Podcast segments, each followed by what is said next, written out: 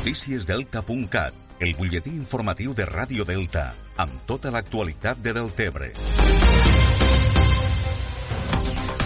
Ports de la Generalitat ja té enllestit el pla especial del Port de Deltebre després de resoldre les al·legacions presentades i ja es troba en mans de l'Ajuntament, que n'ha de fer l'aprovació provisional en les pròximes setmanes. Un cop el ple de Deltebre doni el vistiplau al pla, només quedarà pendent l'aprovació definitiva per part de la Comissió d'Urbanisme de les Terres de l'Ebre.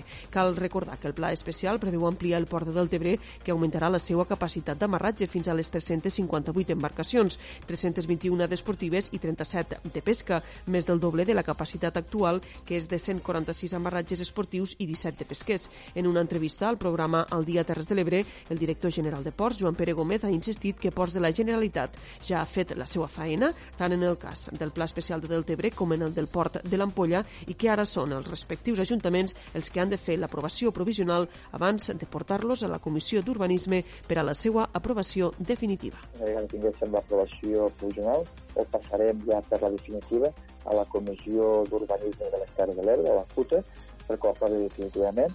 I jo crec que ho estem encaminant amb molt bona això i, per tant, jo penso que en guany tindrem ja els dos plans especials, tant el del Pedro com el de l'Ampolla, aprovats.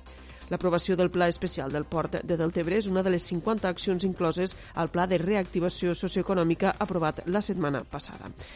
Més qüestions de l'actualitat. L'Ajuntament de Deltebre ha anunciat que assumirà el cost de les terrasses dels bars i restaurants del municipi i eximirà el pagament de la taxa d'ocupació en el cas dels establiments que així ho sol·liciten. A més, des del consistori també es facilitarà l'ampliació de les terrasses per ajudar a la dinamització del sector. Esta mesura forma part del Pla de Reactivació Socioeconòmica de Deltebre aprovat la setmana passada i l'Ajuntament està ara ultimant els tràmits de la sol·licitud.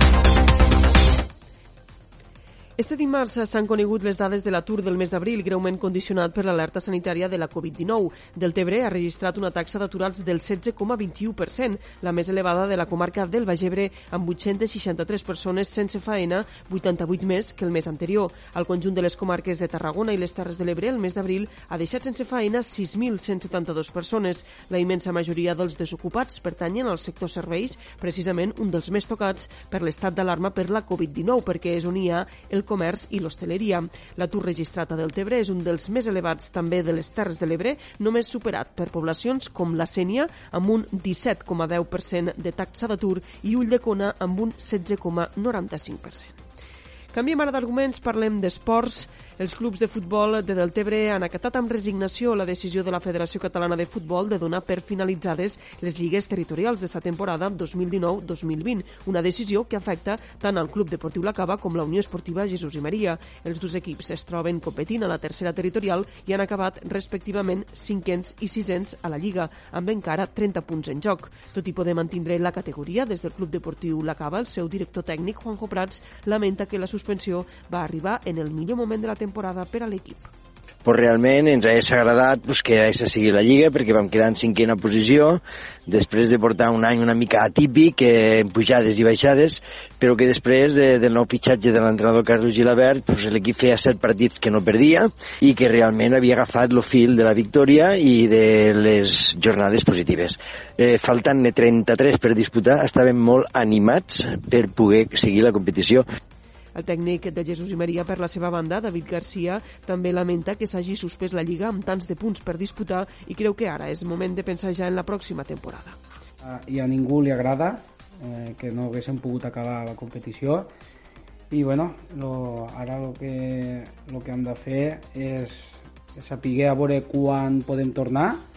Nosaltres el que ara volem és mantenir la forma el millor possible a les cases i bueno, eh, esperem que la pròxima eh, se pugui començar eh, el temps que, que, que comencem, que bàsicament és al setembre. La decisió d'acabar la temporada també afecta al futbol base i formatiu. Això és tot per ara. Ja saben que trobaran més notícies com sempre al portal deltacat.cat.